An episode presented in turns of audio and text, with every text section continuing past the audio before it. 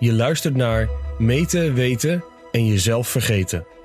Een podcast van geloofsterusting door dominee Henk van der Belt.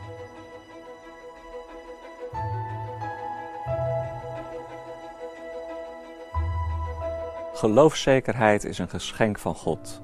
Maar zelfonderzoek is ook heel belangrijk. Zoals we gezien hebben, bestaat het zelfonderzoek vooral uit het onderzoeken van de vrucht van de liefde, van de relatie met de Heer Jezus en van het steeds weer terugkeren naar de Heer. Hij weet alle dingen.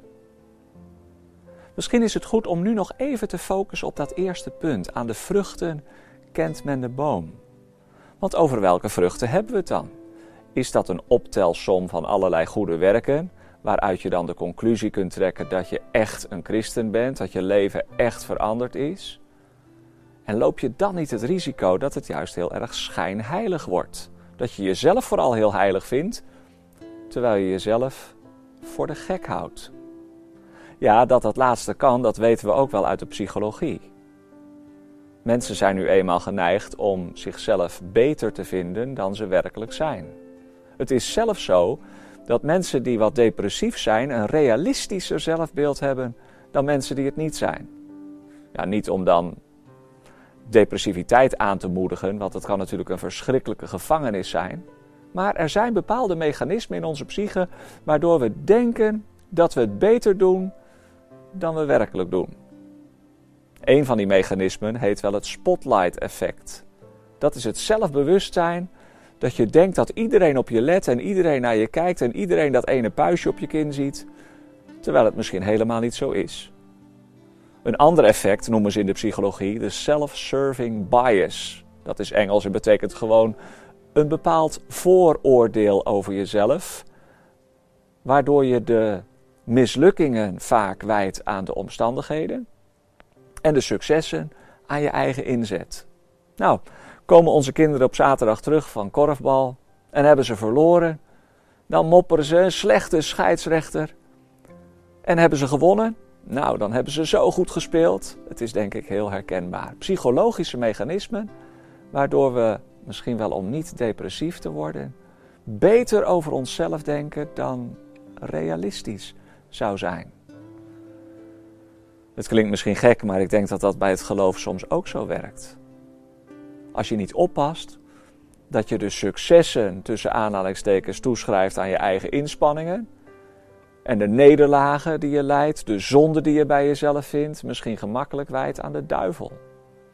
Wat een gevaarlijke valkuil. Nee, daarom is het juist zo belangrijk om jezelf te toetsen aan de hand van de Bijbel. Niet wat je zelf over jezelf vindt of wat je denkt dat anderen over jou vinden is belangrijk. Maar wat zegt de Heer er nu van? Een van de belangrijkste teksten voor dat zelfonderzoek aan de hand van de vruchten vinden we in de eerste brief van de apostel van de liefde, de apostel Johannes. Hij schrijft aan een teleurgestelde gemeente. Mensen die hoog hadden opgekeken tegen hun geestelijke leiders. Maar die geestelijke leiders waren akelig door de mand gevallen. Als mensen die hen hadden bedrogen. Verwarring, ontreddering in de gemeente. En dan schrijft Johannes vanuit de liefde van zijn hart: Jullie hadden het ook wel kunnen weten en moeten weten. Want deze mensen waar jullie zo hoog tegen opkeken, leken niet op de Heer Jezus. En dan schrijft hij in hoofdstuk 2, het derde vers: En hierdoor weten wij dat wij Hem kennen, namelijk als wij Zijn geboden in acht nemen. Dat is mooi. Je kunt Hem kennen, Jezus kennen, maar je kunt ook reflecterend, nadenkend over die relatie, weten dat je de Heer Jezus kent. Namelijk als je Zijn geboden bewaart. In acht nemen staat hier, nou ja, dat kan, maar het is een beetje cool. Zoals je de verkeersregels in acht neemt. Nee, er staat letterlijk zijn geboden bewaren als een schat die je aan je hart drukt. Omdat je de Heere lief hebt, omdat je zijn heiligheid lief hebt, ga je ook doen wat de Heere van je vraagt. dan komt er iets van het beeld van de Heer Jezus in je leven. Wie zijn broeder lief heeft, blijft in het licht. En er is in hem niets dat anderen laat struikelen. Let op, als geestelijke leiders diep vallen en je teleurstellen, dan leken ze misschien al niet zoveel op de Heer Jezus.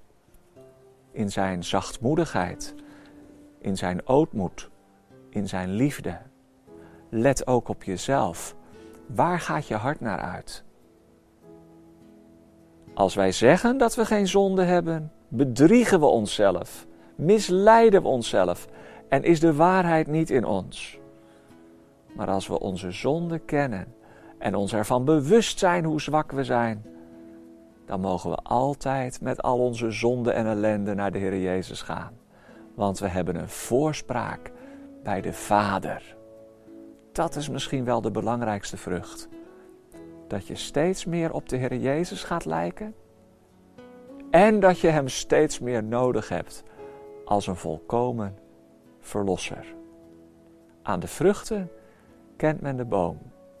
De vrucht van de geest is liefde, blijdschap, zachtmoedigheid, langmoedigheid, trouw. Het is niet jouw vrucht, maar het is het werk van de Heilige Geest die jou aan de Heer Jezus verbindt. Onlosmakelijk aan Hem verbindt. Daarin ligt ook de zekerheid van het geloof.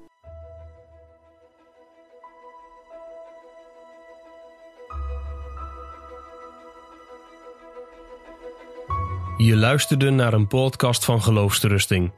Wil je meer luisteren, lezen of bekijken? Steun dan onze missie en ga naar de website geloofsterusting.nl.